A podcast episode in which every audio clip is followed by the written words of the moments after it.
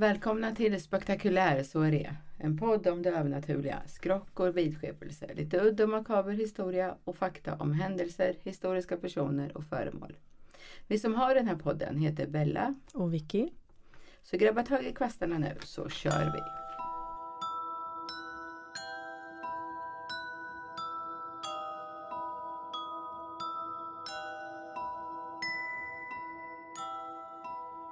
Hej! Hej och välkomna! Nu sitter vi här igen då. Ja, välkomna. Hej Bella. Hej Vicky! Vad har du gjort i veckan? Jag har faktiskt semester så jag har faktiskt eh, jobbat med det här lite. Ja. Ja, Du då? jo men det är min sista semestervecka. Alltså det är onsdag då, väl? Ja, det är onsdag Ja. då. Så ja, men i måndags var jag väl hos Hos mig dig. och vin. Ja, drack vin. Och igår var vi och badade. Ja, Mm. Veckan går fort. Ja. Sommaren, nu är sommaren snart slut. Ja. Det har varit intressant att läsa om massa saker tycker jag och luska och leta. Mm. Eh, Du har ju väldigt intressanta saker idag. Ja, eh, jo men min son han eh, Han har varit hos tandläkaren och dragit ut två hörntänder för Mm. att eh, han har haft lite problem med en tand som har vuxit ut bakom den andra tanden. Mhm, Så för att det inte skulle hända med de andra så drog de ut för att de såg att det var tänder det. under. Mm. Och han går väldigt väldigt länge med lösa tänder innan han drar ut dem. Alltså de, Ja, de det. lossnar inte. Så han drog ut två hörntänder plus att han har tappat två. Och han hade ett hår, eh, en glugg innan så han har liksom fem gluggar i munnen nu. Ja, det. Och eh, så jag samlar ju barnens tänder i, varsin ask. Mm. Mm. Jag vet inte, Tandsamlare. tandsamlare, ja varför gör man det? Men Jag kommer ihåg själv när jag var liten så la man ju tanden i ett glas och så fick man en peng när man vaknade liksom. Så på något sätt så hade det ur tanden uppstått någon magiskt vis en tand på natten. Precis. Eller under kudden. Ja, precis. Eller under kudden, ja, Ja. man lägga den. Det är lite olika. Så jag börjar fundera på det där med varför man sparar tänder och Mm. varför man, ja men tandfen pratar Varför man ju om sparar man också. tänder då? Jag menar en tappad tand tänker man, varför ska man spara den? Det finns ju ingen användning för den. Nej. Nej, En del gör det väl för att man tycker att man gullig liksom har ett minne från man var liten. Och jag sparade mina tänder också. Men någon gång när man flyttade när man var vuxen. Jag vet inte om jag slängde dem eller vad jag gjorde för någonting. För jag har dem inte kvar nu. Fast jag har fått dem av mamma någon gång när jag flyttade hemifrån. Göra halsband. Nej, det gjorde jag inte. Men ja, jag vet inte vad Ja. mina tänder är. Men jag har sparat mina barns tänder i alla fall. Mm. Så jag börjar fundera på vad, är- vad är det här för någonting då? då? Ja, tandfen har man ju hört talas om också. Eh, och det här är också mm, någon form av skrock, ju, en modern skrock kan man väl säga. Ja, tandfen känns det som att hon inte riktigt har funnits sen vad ska man säga, Jesu tid kanske. Nej, nej, Nej. det är en modern eh, uppfinning. Tandfen finns ju både i Sverige och Europa och i världen och det kommer antagligen från USA. Vilket man också tänker att den kanske gör. I Frankrike till exempel har man tandmusen som kommer istället. Tandmusen. Ja, mm, jag talar om Ja. varför. Eh, Men The Tooth Fairy, som hon heter på engelska då. Där kan man hitta första gången 1908 i Chicago Daily Tribune. Eh, Där omnämns hon. Och det kom väl till Sverige för först andra hälften av 1900-talet så kanske efter 1950-talet någon gång genom populärkultur. Ja, just det. Mm. Men det har inte funnits så länge då? då. Nej. Men just det här med tänder är ju äldre, går längre Mm. tillbaks i tiden då. Jag googlade lite och kollade hur ser hon ut egentligen. Man har ju någon idé om att det är någon liten elva eller någon liten Ja, när jag tänker tandfen då ser jag lite den här Bibidi-Bura från, du vet, eh, vad heter hon? Askungen. tingeling. Ja, det är den här som eh, du vet kommer fram när Askungen ska åka på bal. Hon som förvandlar pumporna och du vet, ja, mössen. gudmodern. Ja, precis. Mm. Det är ju liksom min tandfe. Just det. Ja. ja, men hon ser i alla fall väldigt olika ut på bilden man tittar på bilder. Eh, Det är inte liksom som tomten, där har man ju någon Mm. slags gemensam. Men ibland har hon änglavingar och ibland har hon eh, fjärilsvingar. Det är oftast en kvinna. Eh, Och väldigt liten då, som en, som en liten elva tänker man. Tingeling. Ja, och ett litet trollspö. Mm. Eh, det roliga var också att när jag googlade där och började skriva tandfen så kom det upp Swish. Och så var det en fråga, tar tandfen Swish? Och då tänker jag, ja varför inte? Ja, hon måste väl utvecklas Hon som måste ju, ja precis, hon måste ju hänga med lite i, utvecklingen. Utvecklingen. Så att ja, det tyckte jag var skitkul.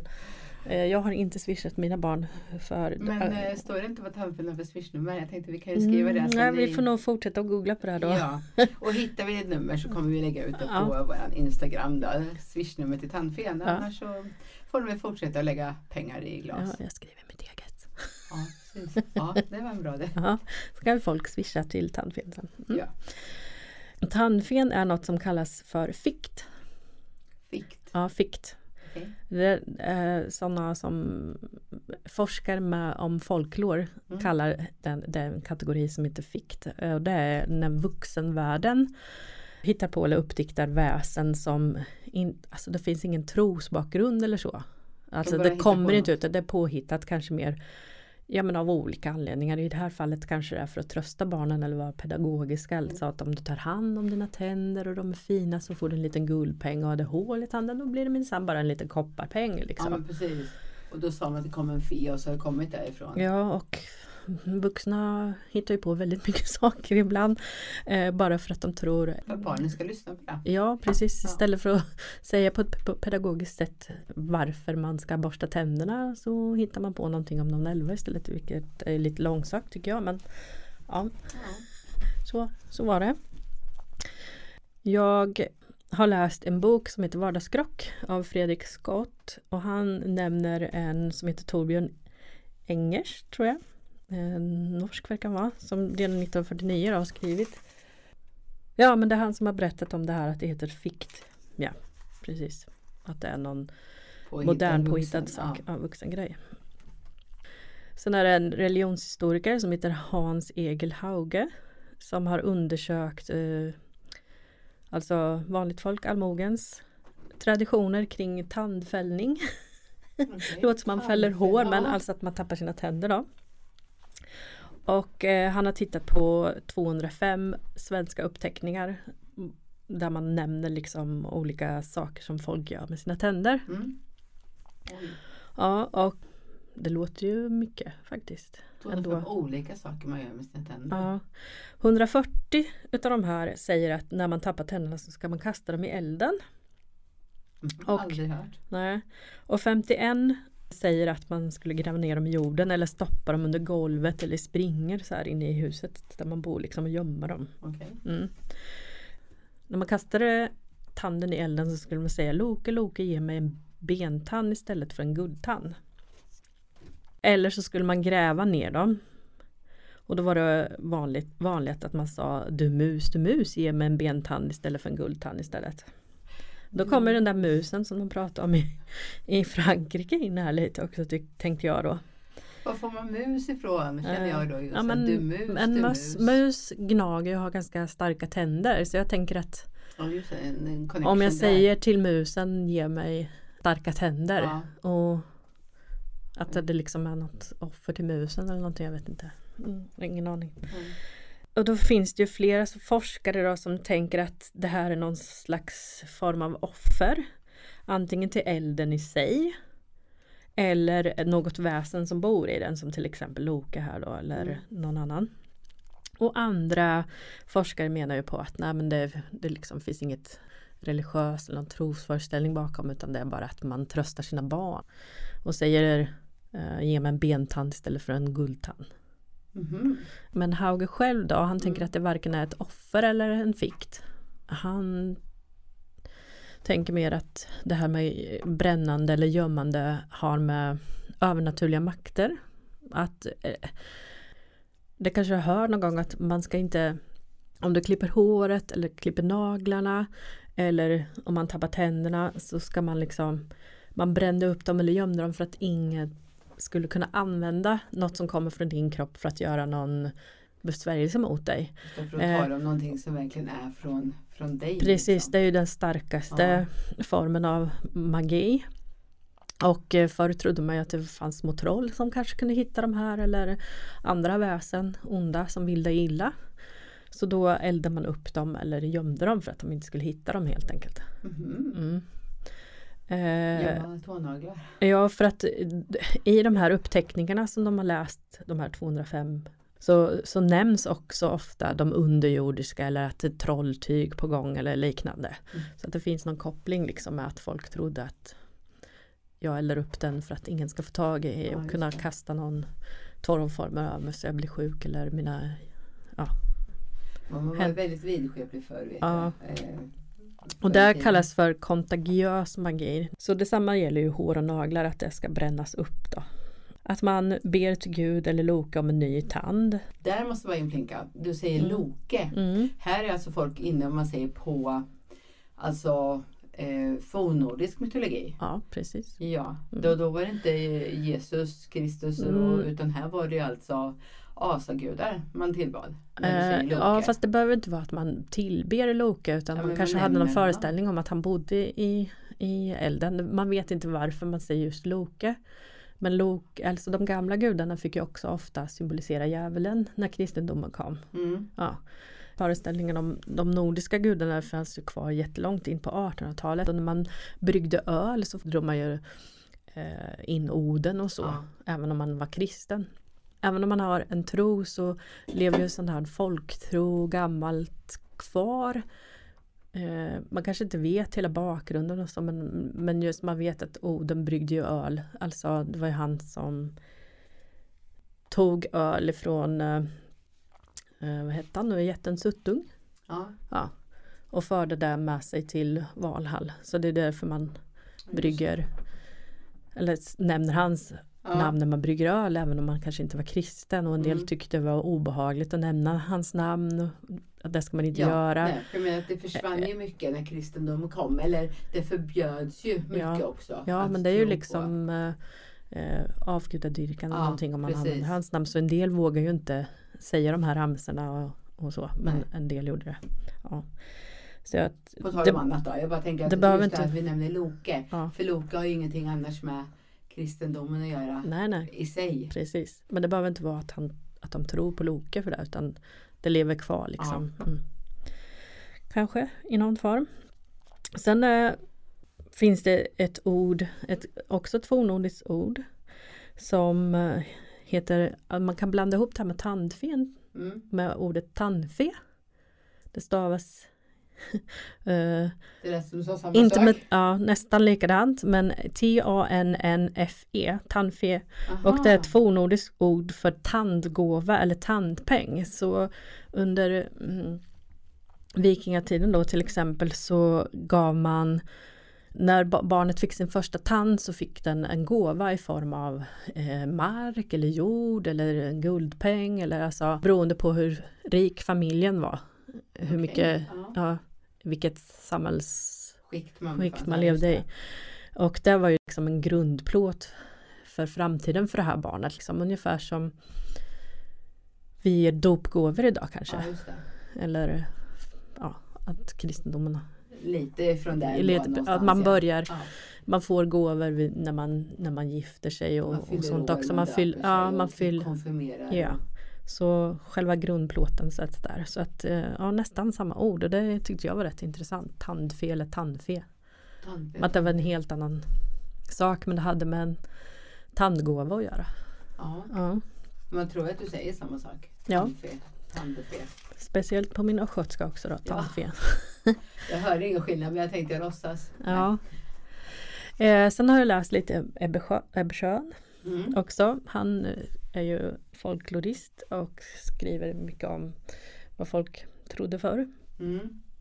Och eh, han har eh, räknat upp lite olika eh, saker som folk trodde om tänder. Okej. Mm. Så om du föds med en tand eller fler tänder, det finns ju barn som föds som redan Mm. har en tand i munnen, så betyder det att eh, den, det barnet i framtiden skulle kunna hela och bota andra människor genom att eh, bara låtsas bita ovanför en böld till exempel så skulle Mhm. den bölden försvinna. Men tyvärr så var de också dömda att dö unga, de här personerna. Mm. Eh, och de blev lätt tjuvaktiga. om de Mhm. föddes med en tand. Så då får man se upp med hur man fostrar sina barn om de har tänder. Ja, de föds. Tänderna kunde också förutspå barnets framtid. Om en tand kom i överkäken först så blev den klok, trodde man i Östergötland. Mm. Eh, om man fick hörntänderna först så blev barnet elakt. Det trodde man i Hälsingland.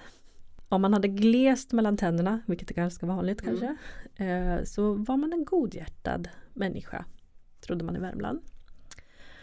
Om tänderna kom väldigt sent så blev det aldrig någonting rejält med ungen, Stackarn. sa man i Var Värmland. för sent födda för då det, blir det inget bra. Nej, Försök att vara i tid. ja. Eh, och om man tappade sin tand vid nymåne så fick man friska och starka tänder, nya. Mm. Mm. Om tänderna om tänderna också kom i fel händer så kunde de användas för trolldom. Och Det pratade jag ju om nyss då i den, den andra källan jag hade. Och därför kastade man den i elden och så sa den ge mig en bentand istället för en guldtand. Ja, det. Det säger han också. Eller gömma den springa. Också kort efter förlossningen, mamman har fått barn, Mm. så börjar de skydda barnets tänder. Till exempel genom att eh, mamman bet i spismuren. Alltså man hade ju murade spisar för och att Okej. mamman skulle gå och bita den där då tänkte jag att ja okej barnet kanske får bra tänder men inte mamma. Nej, det låter inte så jättegott. Nej, inte så, så vad heter hälsosamt heller. Nej. Skulle bita i en tegel... eh, Tegelsten Ja, ja. tegelsten. ja. Ja det skulle i alla fall motverka att barnet fick tandvärk i framtiden. Inget att rekommendera idag. Nej. Eller så gned hon barnets tandkött med en vargtand. Kanske inte så jättelätt att få tag på med, jag vet inte. Men, kanske inte så skönt heller tänker jag. Aj. men annars kunde man ta en kyrknyckel då om man inte hade en vargtand. Så då vänta lite prästen, jag lånar nyckeln Ja, till dörren här så ska jag Jag hem och gnida. Ja. Hade man inte tillgång till det så kunde man också ta en rostig spik och gnida på ungens tandkött. Och det låter ju inte så jättebra heller. Nej, är det, alltså vi rekommenderar ju varken att stjäla en eh, kyrknyckel eller ta en rostig spik Nej, Jag tänker att de kan få blodförgiftning Ja. lite sånt. mm. Ja. Man kunde mm, hälla upp ett glas vatten och sen lägga i mullvadens tänder i den. För de är ju starka då. Ja. Och så kunde barnet dricka vattnet. Okej. Inte tänderna men Nej, ja. vattnet. Så skulle det på något sätt ge dem starka tänder. Eh, man kunde också lägga en, en påse i vaggan eh, med en vargtand i eller bärnsten. Mm. Så det kan ni tänka på om ni får barn att man kan lägga i vaggan så får de bra tänder. Och vad trodde man att tandvärken berodde på då förr i tiden? Ja, Inte mycket knapra socker. sten, tegelsten, inget Ja. sånt. Nej. Idag känner vi ju till karies och sånt och att man inte ska äta så mycket socker och så. Men eh, på det, förr i tiden så trodde man att det var mask i tänderna. Mm, som eh, bara hål, som i ett äpple liksom. Så, Ja, det hål. ja. Ja. så man pratade ju om maskätna tänder. Så kunde man tro att det var ill, illasinnade väsen som gjorde att man fick tandvärk. Så man förstod inte kopplingen med att inte sköta Ja, tänderna. Och, eller att det var någon trollkunnig grannkvinna eller person som ville något ont. Och det kunde också vara ditt eget fel. Till exempel om du bet i järn. Och då tänker jag, men vänta här nu, kyrknyckeln, var inte den Ja. järn? Eller spiken. Ja. Mm. Eller om man smakar på en munsbit eller matbit i grytan och sen lägger tillbaks den i grytan. Nej. Som andra ska äta. Ja. Den var inte bra, då kan man få tandvärk. Okej. Eller om man drack ur ett kärl utan att stänga locket innan nästa person använde samma kärl och drack ur. Så om jag tar en klunk så måste jag sätta på locket först och sen skicka vidare den till nästa och så Ja, får den öppna. Mm, annars får jag Okej. tandvärk. Och eh, ja, det är många saker man kunde få tandvärk av men hur botar man dem? Ja men förr i tiden fanns det ju inga tandläkare. Och jag tänkt på att det här med tänderna var ju ganska viktigt för dem. Alltså antingen fick man ju dra ut tänderna hos en fältskär eller en smed. Eh, eller så fick man ju gå och tandvärk och det kan göra jäkligt ont. Jag menar idag kan ju vi gå Ja, alltså man har, jag har ju haft hål och det kan ju göra riktigt ont. mm. Så att det var nog inte så roligt. Ja, antingen så drar man ju ut tänderna och tänderna behöver man ju för att kunna tugga och då använder de eh, en glödande spik kan de använda och stoppa ner i hålet. Aj! Aj, säger jag Alltså, också. Ja. Mm. Aj. Mm. Eller så kan man lägga ett korn arsenik i tanden. Ja men absolut. Jo men du, jag har lite arsenik åt dig. Vi Ja. stoppar ner i tanden. Och... Du kanske dör på kuppen men mm. Spelar roll, du är inte tandvärk längre då. Nej, precis. Eller olika former av starka syror. Jag vet inte vilka men i alla fall. Sen använder man ju olika örter också mot tandvärk. Till exempel liljekonvalj, smörblomma, groblad. Och groblad är ju sådana som växer Ja, man drar isär dem så blir det som långa Ja, trådar. trådar, och där ja. brukar man ju gnugga på myggbett och sånt där också. Ja. Ja. Och nejlika kunde man använda också. Och eh, kommer en lite rolig här då. Jag fick en jätteskoj bild på den här. Mm. Eh, det är en magisk metod. Då kan man sticka hål i tanden med en pinne Ja. och sen sätta fast den i ett träd, i en tråd. Så synligt som möjligt, gärna vid landsväg. Och då fick jag någon bild av att man borrade hål i tanden där den satt i Ja, munnen ja. och sen hängde upp i ett träd. Skaplig, Och sen stod där men de måste ju ha dragit ut tanden först. tråd. Ja, aj. Han står där och folk bara går förbi. Haha, Ja. björntråd liksom. Mm. Men aj, jag har en kvar. Mm, Nej men det Nej. gjorde de ju inte. De tog ju ut tanden Men då först. har du redan blivit av med tandvärken så varför ska du hänga upp den? Ja men du får inte tandvärk i framtiden.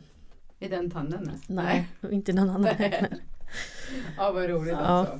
Ja. Japp, och eh, babylonierna de Mm. eh, kände ju till det här med att, eller de använde bollmörtsfrön, rökta, alltså man röker bollmört vet du, Mm. Mm. för att bota, eller ja, för att bli av med tandvärken. Och bollmört, ja, det väl inte rekommendera att röka där kanske. nej. Heller inget att rekommendera idag. Jag skulle föreslå tandläkaren. Mm. Tänderna var också viktiga för de som utförde magin. Om man var trollkunnig, en klok gumma eller klok gubba, gubba, gubbe. så eh, ju äldre man blev och kanske tappade tänder desto mindre magi hade man kvar. För att det var väl där att de kopplade att om man är född med tänder då har man magisk förmåga. Och ju fler tänder du tappar desto mindre magisk förmåga har du kvar. Till slut förlorar de ju sin magiska kraft om de blir tandlösa. Så eh, ja, det var det. Jag såg framför mig löständer. Ja. Då har jag konstgjord magi. Ja, ja precis, det Ja. funkar inte. Eh, Var det klart? nej, ja, Ja, Men- du har något mer där? ja, jag har en eh, bok här som heter Svenska trollformler. Mm. Som är sammanställd av Bengt av Klintberg. Det är han som har skrivit de här böckerna Råttan i pizzan och sånt där. Så Mm. Moderna myter. Ja. Eh, eh, och här i finns det lite roliga magiska formler. Till exempel mot tandvärk. Eh, Jag kan sitta kvar va? Så att du inte förvandlar mig tänker. Nej, jag ska inte förvandla dig mot någonting. Det här är för att skydda mot tandvärk eller om man har tandvärk. Men det är bra. Här är en trollformel man kan säga. Den är från Skåne, 1850-talet. Då säger man Som vågorna i råglycka gå och försvinna så skall din tandvärk förgås och till intet bliva. Den var lite kort. Eh, sen har jag en till som är lite längre. Då ska man en söndag eller torsdag morgon i soluppgången gå. Eh, då är det en kurslare som går först. Det är den som utför Mm. eh, Ritualen. ritualen. Ja. Ja. Och sen den sjuke går efter. Och så ska man gå tre gånger runt en jordfast sten. En nedgrävd sten eller som finns under marken också. Ja. Som sticker upp. Och så säger en, den ena före och den andra säger efter. Och då säger man Solen uppgår röd boll, Jesus hjälper mig att jag blir av med min tandvärk. Både den varma och den kalla och den in, intet mer intet mera in, igen får. Eh, Svårt att läsa gammal svenska. Förrän den eh, ärligen blir uppväxt som jag nu utstår. Nej, utsår. ja, det säger man i alla fall tre gånger. Sen ska man gå vidare till en eh, källa, en vattenkälla av något slag. Och så ska man gå tre varv igen och samtidigt så ska man eh, strö salt med högra handen.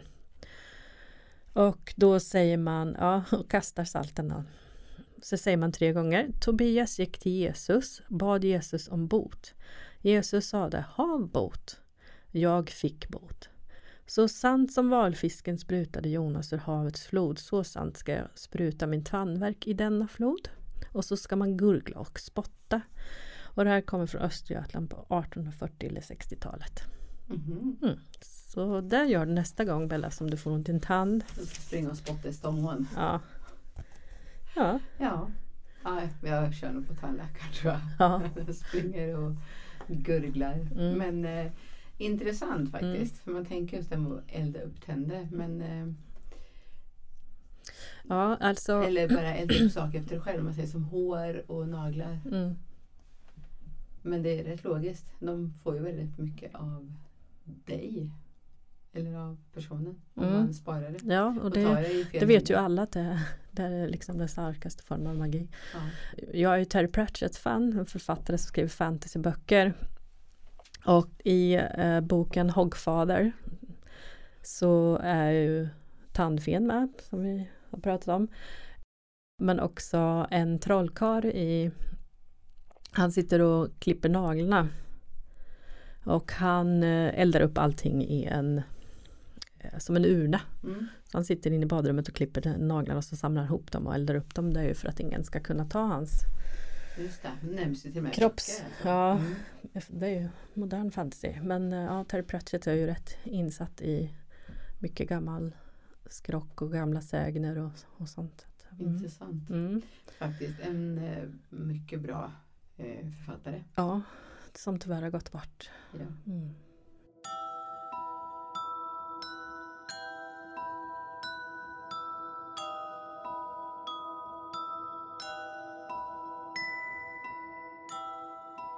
Jag ska nu prata om en, eh, vad ska man säga, en eh, gammal spökhistoria eller vad man ska säga. Det är väl som en, ja, det är en historia fast den är inte otäck som man tänker sig en spökhistoria. Mhm. Eh, det är alltså hemsökta platser Mm. från jättelångt tillbaka. Det här är nog 1800-talet ungefär, Mm. 1500 till och med. Mm. Det jag ska börja berätta om det är om eh, en drottningstjänarinna, Mm. heter det. Och det utspelar sig i slottet eh, Stirling Castle, Mm.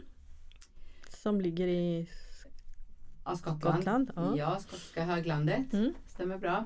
Eh, och det här slottet ansågs ju länge då vara det mäktigaste fortet i hela Skottland. Mhm. Då det tornade upp sig då högt eh, uppe på en sån här eh, eh, basaltklippa vid floden Forth. Mm. Eh, och på grund av den här strategiska positionen då eh, så kallade poeten Alexander Smith det för den väldiga brosch som håller högländerna och lågländerna samman. Mhm. Och på den tiden, Poetiskt. Ja, Mm. mycket. Och på den tiden var det mycket highlands and lowlands. Alltså Ja, just det. de, och det var väl lite fighter emellan med. Mm. Men i alla fall, den här stenbyggnaden då, då eh, restes på 1400-talet. Och den står faktiskt kvar där än idag. Mm. Eh, och när slottet då restes runt början på 1400-talet så ersatte det alltså ett timrat fort. Som då blickar ut över den karga slätten sedan 300 år tidigare. Mhm. Det är Eh, alltså då måste vi vara på 13 elva- 1100-talet till och med. Ja.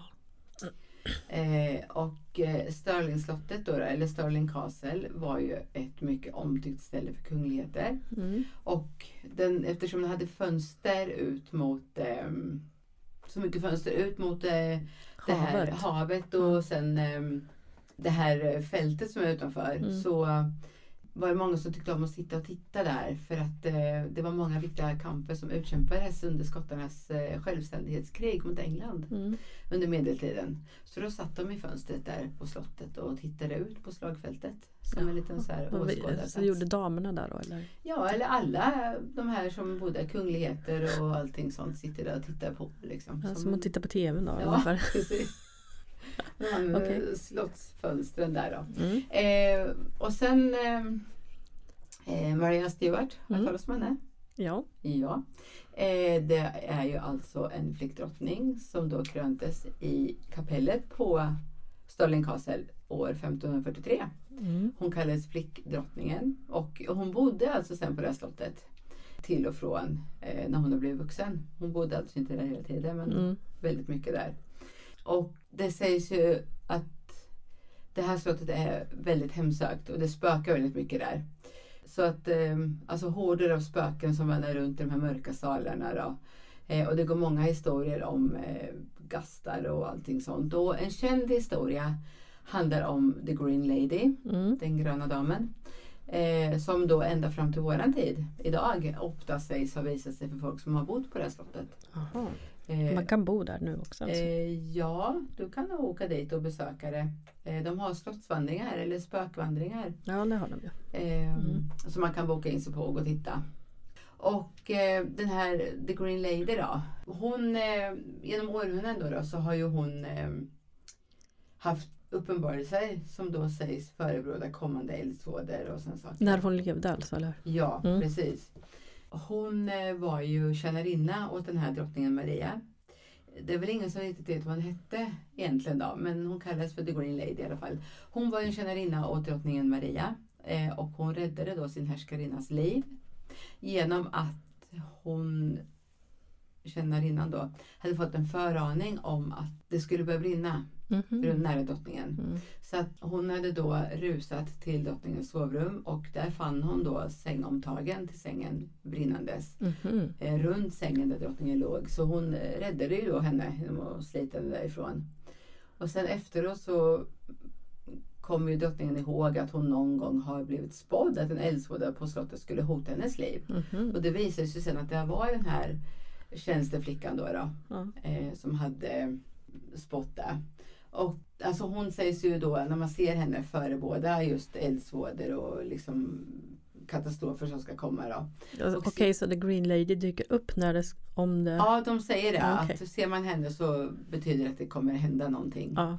Eh, och senast så eh, någon rapporterade något sådant då. Det var ju en eh, militärkock som uppgav att han hade sett henne. Mm. Och då var det att eh, trupperna som eh, den här kocken då, det var soldater Mm. som då var förlagda till det här slottet. Och eh, kocken då stod och rörde i grytan, han lagade soppa. När han kände att någon tittade på honom. Och då vände han sig om. Mm. Och så fick han då se den, en, den svävande gestalten av en kvinna klädd i grönt. Eh, nu inträffade inte någon katastrof. Förutom att kocken svimma. Det var väl den enda katastrofen Ja, då. men Men, då blev det ingen mat ändå. Nej precis, då vart de utan mat. Det var väl katastrofen så då. Men, men ehm, och hon eh, finns där än idag och det är väl ingen riktigt som vet vem hon är. Om det är den här tjänsteflickan då som spådde att drottningen skulle råka ut för en olycka. För att hon har ju även varnat drottningen, eh, Mary då, för eh, Henry den åttondes armé. Mm. Alltså vi ska säga att Maria Stuart och Mary Queen of Scotland är samma person. Ja precis, Queen of Scotland och Mary Stuart eller Mary, Mariah Stuart. Mm. Precis. Och den här tjänsteflickan då, hon vakade också över drottningen när hon sov.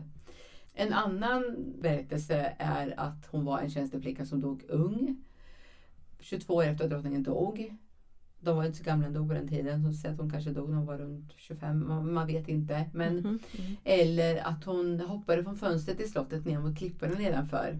För att hennes stränga far inte tillät henne att gifta sig med en soldatpojke. Okej.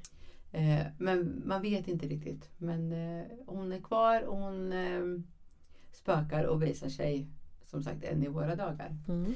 Eh, sen vet jag att du har någonting om det här då. Flera Ja. som finns där. Eh, på alltså det finns ju en sida som heter Sterling Ghost Walk om man vill gå spökvandring på Sterling Castle. Och de skriver om att det finns väldigt många sådana här ladies i många olika färger. Eh, Blue Lady, Pink Lady, men hon, oh White, men den Green Lady är den, den vanligaste. Ja, Mm. Som man ser oftast. Eh, Black Walk, ja, verkar intressant. Ja, Om man vill åka sagt- dit och titta. ja, precis. Och det här finns ju att um, läsa om då. På Ja, Eh. sterlingghostwalk.com. precis. Mm. Eh, där finns det ju även som sagt man kan boka in eh, spökövningar om man vill. Mm. Eh, vi lägger ut adressen sen på vår eh, Instagram-sida. Eh, Yes. Spektakulär soaré. Ja, det var en kort historia om eh, drottningens tjänarinna. Ja. Sen så finns det även en eh, annan liten så här, vad ska man säga, historia om hemsökta platser som då kallas ett djävulskt förband. Oj. Och det utspelar sig på en eh, ska man säga, eh, Hermitage Castle heter det. Det är alltså en massiv och klumpig eh, sandstensruin. Som också är i Skottland på Mm. skotska heden nära gränsen mot England. Mm. Och eh, enligt legenden då så ska slottet ha fått sitt namn efter en eh, religiös eremit som då började bygga ett kapell på platsen redan 1170 där någonstans. Och själva slottet färdigställdes då på 1200-talet av Nicolas de Soil. Mm.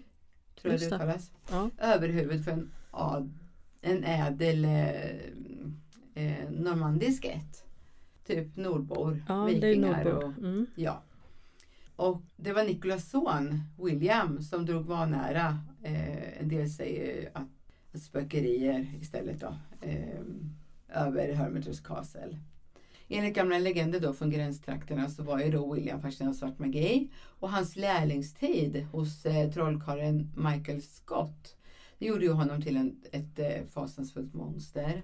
Mhm. Och det ryktades även att han hade eh, mördade eh, det ryktades att han mördade kidnappade barn i slottets källarhålor. Och att han då använde deras blod vid ritualer där han då eh, åkallade den eh, huggtandade demonen Robin Redcap. Oj. Skrämmande. Ja. Ehm, så att, och där har du ju den, en demon då eftersom att han hade svart magi. Eh, och som tack då för att han då offrade de här unga så eh, garanterade Redcap att The Soils inte skulle skadas vare sig av stål eller rep. Och på det sättet så skyddades ju han då från dåtidens vanligaste dödssätt. Och det var väl genom eh, krig och, eller vad ska man säga, med svärd och sådana saker. Då. Mm. Så William då ansåg sig vara eh, osårbar på det sättet och det innebar också att han då terroriserade omgivningen med sina barnamord och andra hyggligheter. Och eh, historien då säger att eh, The Soils tog till fånga efter ett misslyckat försök att gripa den skotska kronan från eh, kung Robert de Bruce. Och William då har dött i fångenskap. Men eh, legenderna de talar ju ett annat språk och då sägs det istället att lokalbefolkningen till sist hämnades på The Soils genom att gång på gång på gång gå och klaga till kung Robert. Och eh, kungen besvarade då eh, han var besvärad av deras eh, ständiga klagomål så till slut hade han sagt att eh, häng honom, koka honom, gör vad ni vill med honom men låt mig slippa höra talas om honom. Och det här då tog ju folket eh, på orden eftersom det var kungen som sa det. Så de hade då fångat in The Soils. Åh De eh, snodde in honom i ett lakan och kokade honom i en väldig gryta. Aj. Ja. Det låter väl, ja, Ja. nej. Så att, och det sägs att William de Soils ande då dömdes att vart sjunde år återvända till källaren på Hermitage Castle för ett möte med Robin Redcap som då äger hans själ fortfarande. Mm. Och vid dessa tillfällen så kan man då från källaren höra blodisande skrik och ohyggliga skratt. Ja. Ja, det var Eh, en trevlig prick. ja, jag skulle Nej. inte vilja bli kokad kan jag säga. Men, ja, men alltså nej. Ja men så det, det är den sägnen då. Eh, också från Skottland. mm, Om hemsökta platser. Eh, det här finns ju inga spökvandringar så men du kan säkert åka dit och ändå ehm, nästa gång man åker till Skottland. Ja precis. Mm. Värt ett besök. Mm. Finns det, ja. Vi tar en tredje här. Det är så korta berättelser så jag tänker att vi, vi kör. Är det också Skottland? Ehm, nej, Nej. nu är det England Mm. faktiskt. Eh, och eh, den här korta eh, historien om hemsökt plats utspelar sig eh, ungefär åtta mil väster om London vid floden Themsen. Mhm. Där då Bisham Abbey eh, ligger. Eh, det sägs då vara det hus i Berkshire som det spökar i mest. Men Abbey så är det ett kloster alltså? Eh, Bisham Abbey. Ja. Eh, nej, Nej. det är bara, eh, jo det är ett kloster, förlåt, ja det är det. Eh, och ursprungligen var klostret på 1200-talet en hemvist för eh, tempelriddarna.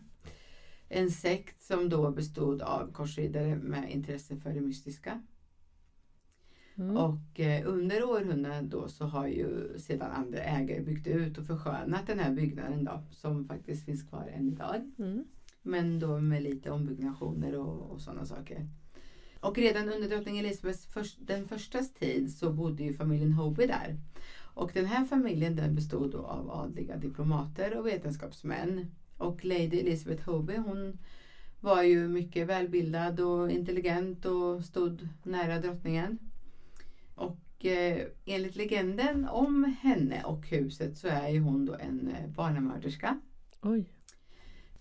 Lady Hoby lär ha haft sex barn av vilka den yngste sonen William sades vara ett riktigt dumhuvud som inte kunde lära sig någonting. Schysst. Ja, han eh, gjorde sin ambitiösa mor så rasande med sin kladdiga skrivbok att hon då till sist piskade ihjäl honom. Nej. Ja, Stackars barn. barn. Eh, olika variationer då på den här legenden säger att Lady Hoby antingen låste in pojken i en garderob som straff eller band honom vid en stol och gav honom order att göra läxan bättre. Sen åkte hon för att besöka drottningen och när hon återkom efter flera dagar så fann hon pojken död. Det kan då hända att alla de här versionerna av den här ryska historien är rena påhitten. Det är Mm. ingen som vet egentligen men det finns inga uppgifter om William, om hans födelse. Mm. Eh, Men eh, då huset renoverades år 1840 så fann faktiskt arbetarna under golvet några skrivböcker varav den ena innehöll bara krå- kråkfötter och bläckplumpar. Så det är nog mycket mö- möjligt att det var Williams böcker, Ja. att han då har funnits. Ja. Och om Elisabeth Hull, eh, Hubby dödade sin son så levde hon länge med sin skuld. För att eh, enligt källor så dog hon ju då vid 81 års ålder. Eh, men andra säger att hon blev över 90. Men man vet inte, hon kanske inte fick ro eftersom hon då hade haft ihjäl sin son. Mm. Ehm, men hon är i alla fall bland de spöken som då sägs vandra runt på Bisham Abbey. Det är ju då sorgsna Lady Hoby och framför henne så svävar en skål med osynligt vatten i. Eh, I vilket hon då doppar händerna och likt en spöklik version av Lady Macbeth försöker tvätta bort blodet från sina händer. Ah, Okej.